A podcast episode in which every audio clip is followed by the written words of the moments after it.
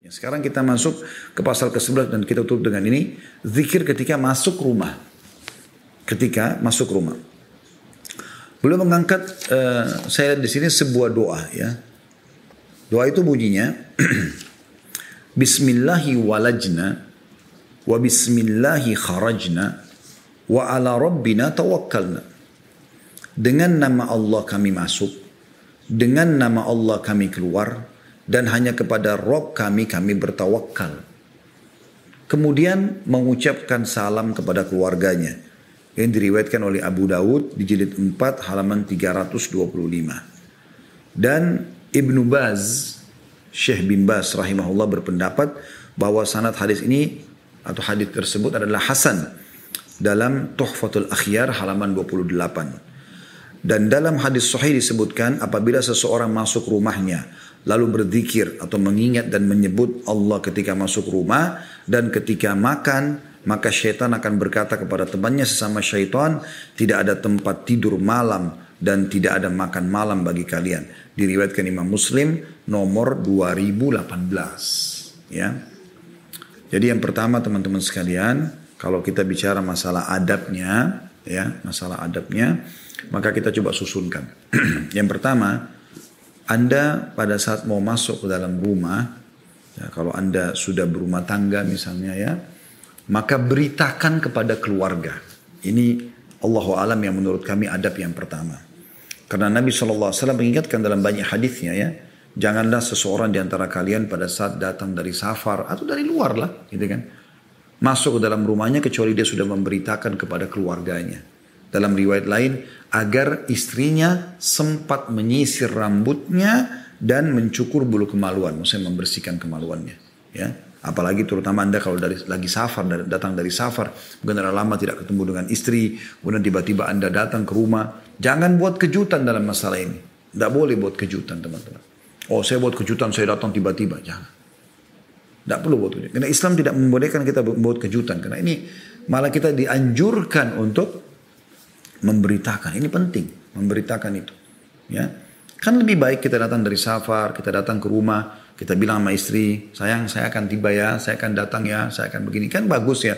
Mungkin dia juga akhirnya mandi, dia sikat gigi, dia siapin makanan yang hangat. Kan enak disambutannya begitu. Daripada kejutan-kejutan deh, tiba-tiba bangun ternyata rambutnya berantakan ya. Bajunya kotor, mungkin anak lagi maaf tidur sama dia, ngompol sana sini. Tapi kan kalau kita beritakan kan bagus ya. Ini kalau punya keluarga ya anda beritakan. Imam Ahmad rahimahullah bahkan menitik beratkan masalah itu ya, ya beliau mengatakan uh, apa hendaklah seseorang kalau mau masuk ke dalam rumahnya maka dia berdehem atau dia menepuk-nepukkan kakinya. Sampai seperti itu ya untuk memberikan peringatan. Jadi bukan buat kejutan. Walaupun dia sendiri pun dia seperti itu. Ya. Di dalam sebuah hadis ya Nabi SAW uh, dinukil agar kita uh, maaf ini adab yang pertama dulu. Adab yang kedua, teman-teman sekalian, adab yang pertama tadi adalah memberitahukan dulu. Adab yang kedua adalah membaca doa mau masuk yang tadi kita baru bahas ini ya. Membaca doa uh, mengucapkan salam gitu kan pada saat mau masuk dalam rumah. Baik ada orang di rumah atau tidak ada orang di rumah. Ya. Hadisnya Jabir bin Abdullah radhiyallahu anhuma. Beliau mengatakan bahwasanya Nabi SAW bersabda, "Idza dakhala ar-rajulu baitahu fa Allah 'inda dukhulihi wa 'inda ta'amihi qala syaitan." Kalau seseorang masuk ke dalam rumahnya, kemudian dia menyebut Allah. Doa masuk rumah tadi, Bismillah kharajna wa bismillah, bismillah dakhalna wa bismillah kharajna wa rabbina tawakkalna misalnya ya. ya. jadi dengan nama Allah kami masuk, dengan, dengan Allah kami keluar dan kepada Allah lah kami bertawakal ya. Uh, atau dia membaca salam assalamualaikum warahmatullahi misalnya ya. Kemudian juga pada saat dia makan dia membaca bismillah apa yang terjadi? Qala syaitan. Maka syaitan berkata pada teman-temannya di sekitar rumah itu. Anda cuma bilang assalamualaikum warahmatullahi wabarakatuh walaupun tidak ada orang ya. Apalagi kalau ada orang. Jadi ini maknanya juga tidak ada kejutan tadi. Tiba-tiba buka pintu diam-diam tiba-tiba datang. Ya. jangan buat kejutan lebih baik dalam kondisi mereka siap menerima kita Ya, kalau tidak ada orang pun, kalau uh, kita salam maka kita keberkahan. Allah SWT mengatakan dalam surah An-Nur itu sebagai tahiyyah min indillah, sebagai kata sambutan yang baik dari Allah. Ucapkan salam. Wassalamu ala anfusikum kata Allah. Salam buat diri, diri kalian sendiri. Maka syaitan akan berkata pada teman-temannya kalau kita salam, kalau kita baca doa, kita masuk rumah pada saat kita makan kan biasa orang masuk makan, minum ya. Baca bismillah, apa yang terjadi? Syaitan berkata pada teman-temannya di sekitar rumah Anda itu, "La mabita lakum wala asya." Gak ada tempat nginap buat kalian malam ini dan tidak ada makan malam buat kalian. Bayangkan. Jadi yang sering digambarkan oleh sinetron-sinetron film uh, pocong bisa keluar dari kuburan kemudian tembus tembok bohong dusta besar nggak ada itu. Siapa di antara anda yang pernah kedatangan pocong minta-minta minum dan makan? Ini perusakan akidah. Wa naudzubillah. Nggak ada itu. Dan dalam hadis ini menjelaskan tidak ada ceritanya mereka bisa tembus tembok. Nggak bisa. Nggak bisa masuk. Nggak ada tempat nginap buat kalian. Allah jaga rumah itu. Nggak bisa. Dalam riwayat lain bahkan Nabi SAW mengatakan syaitan tidak akan bisa membuka pintu ditutup oleh pemiliknya. Panci yang ditutup oleh pemiliknya. Nggak mungkin syaitan bisa buka, nggak bisa. Kalau bisa maka habis semua makanan kita. Ya. Kalau bisa syaitan masuk dirusak, syaitan kan rusak, kotor. Dia rusak semuanya. Nah ini harus diluruskan. Maka syaitan di sini buat pengakuan, nggak ada tempat nginap, nggak ada juga makan buat kita malam ini.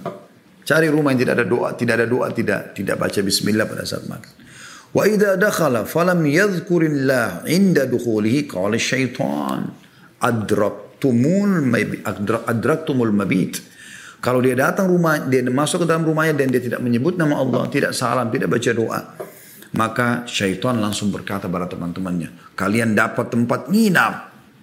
Wa idza lam yadhkuri wa idza lam yadhkurillah 'inda ta'amihi qala adraktumul mabita wal 'asha. Dan kalau dia makan, dia lupa baca bismillah, main langsung saja buka kulkas, minum teguk. Ya, sudah tidak duduk, sunnah Nabi duduk minum dan makan, berdiri teguk, tidak baca bismillah. Tambah lagi tangan kiri, tambah panen syaitan. Tambah panen syaitan. Ya. Maka kalau dia datang ke rumahnya, tidak salam, ya syaitan bilang ada tempat nginap nih, bisa kita masuk. Di rumah situ ada penjahat akan mengganggu anda, membuat mimpi anda buruk, bisa membuat anda pikir berpikir maksiat dan segala macam. Dan kalau anda tidak baca bismillah pada saat makan dan minum, ya, ada pun juga pakai tangan kanan. Anda jangan pakai tangan kiri. Udah nggak baca bismillah, tangan kiri. Syaitan bilang sambil senang sama teman-temannya. Dapat tempat nginap, dapat makanan.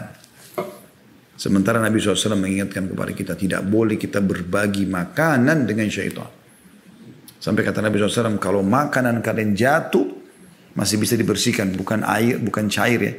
Kerupuk, tempe, masih bisa dibersihkan, diambil bersihkanlah dan makanlah. Jangan biarkan sepotong pun buat syaitan. Gak boleh. Kita dilarang gitu. Ya. Maka ini penting sekali teman-teman sekalian. Ya. Ini yang kedua.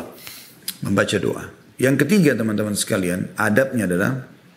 Anda mendahulukan ya, semampunya bersiwak. Anda mendahulukan semampunya bersiwak. Ya. Karena Nabi SAW dikatakan tidak memasuki rumah beliau kecuali beliau sudah bersiwak.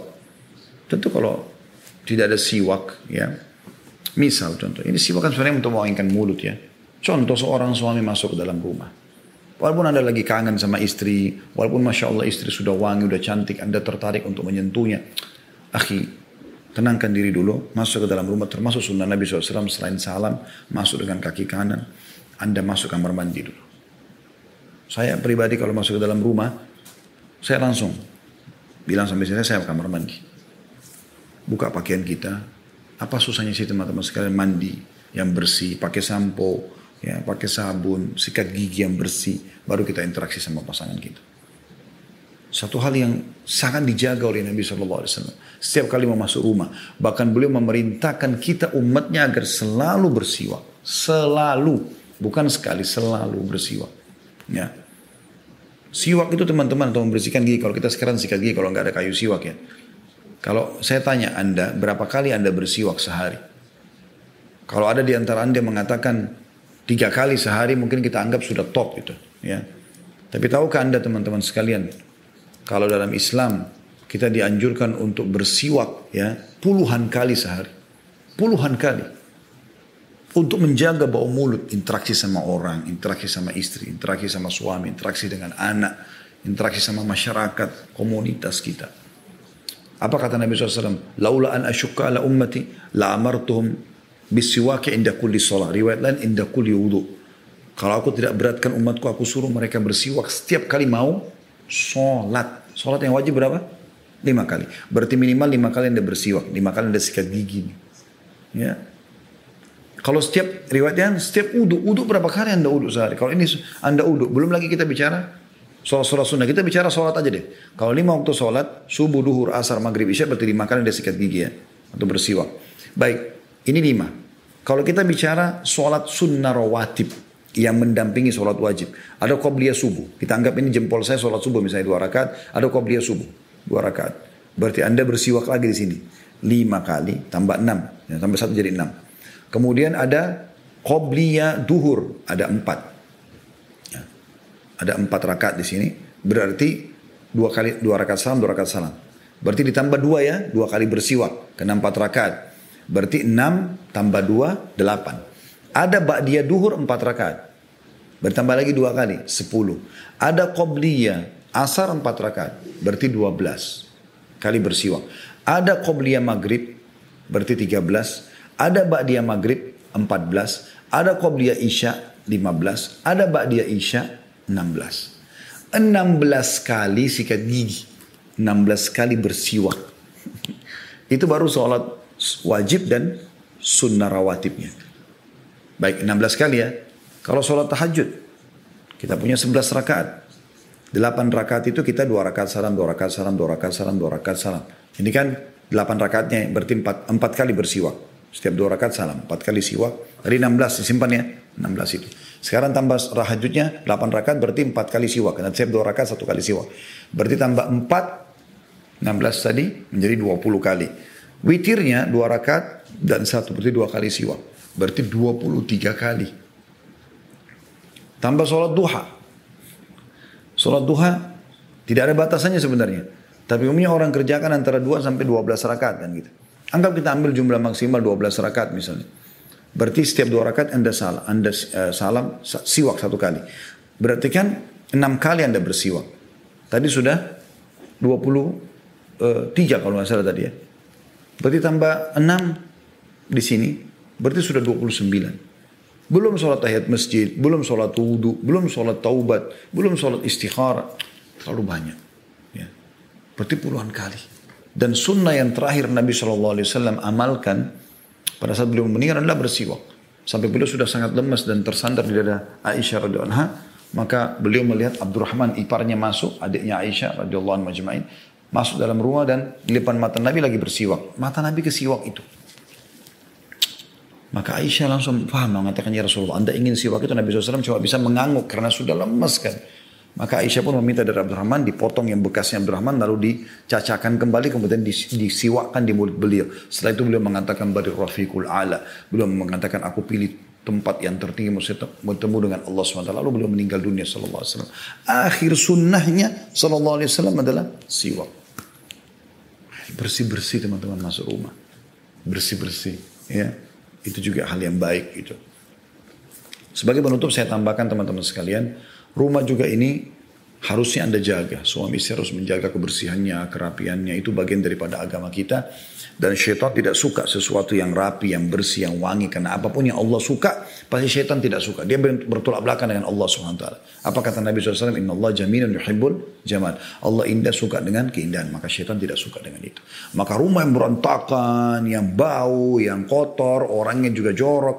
Udah berkumpul semua keburukan padanya. Tapi orang yang bersih, orang yang rapi, orang yang wangi, rumahnya, kendaraannya, ya lingkungannya itu adalah hal yang luar biasa. Dan anak-anak juga terbiasa dengan itu nanti.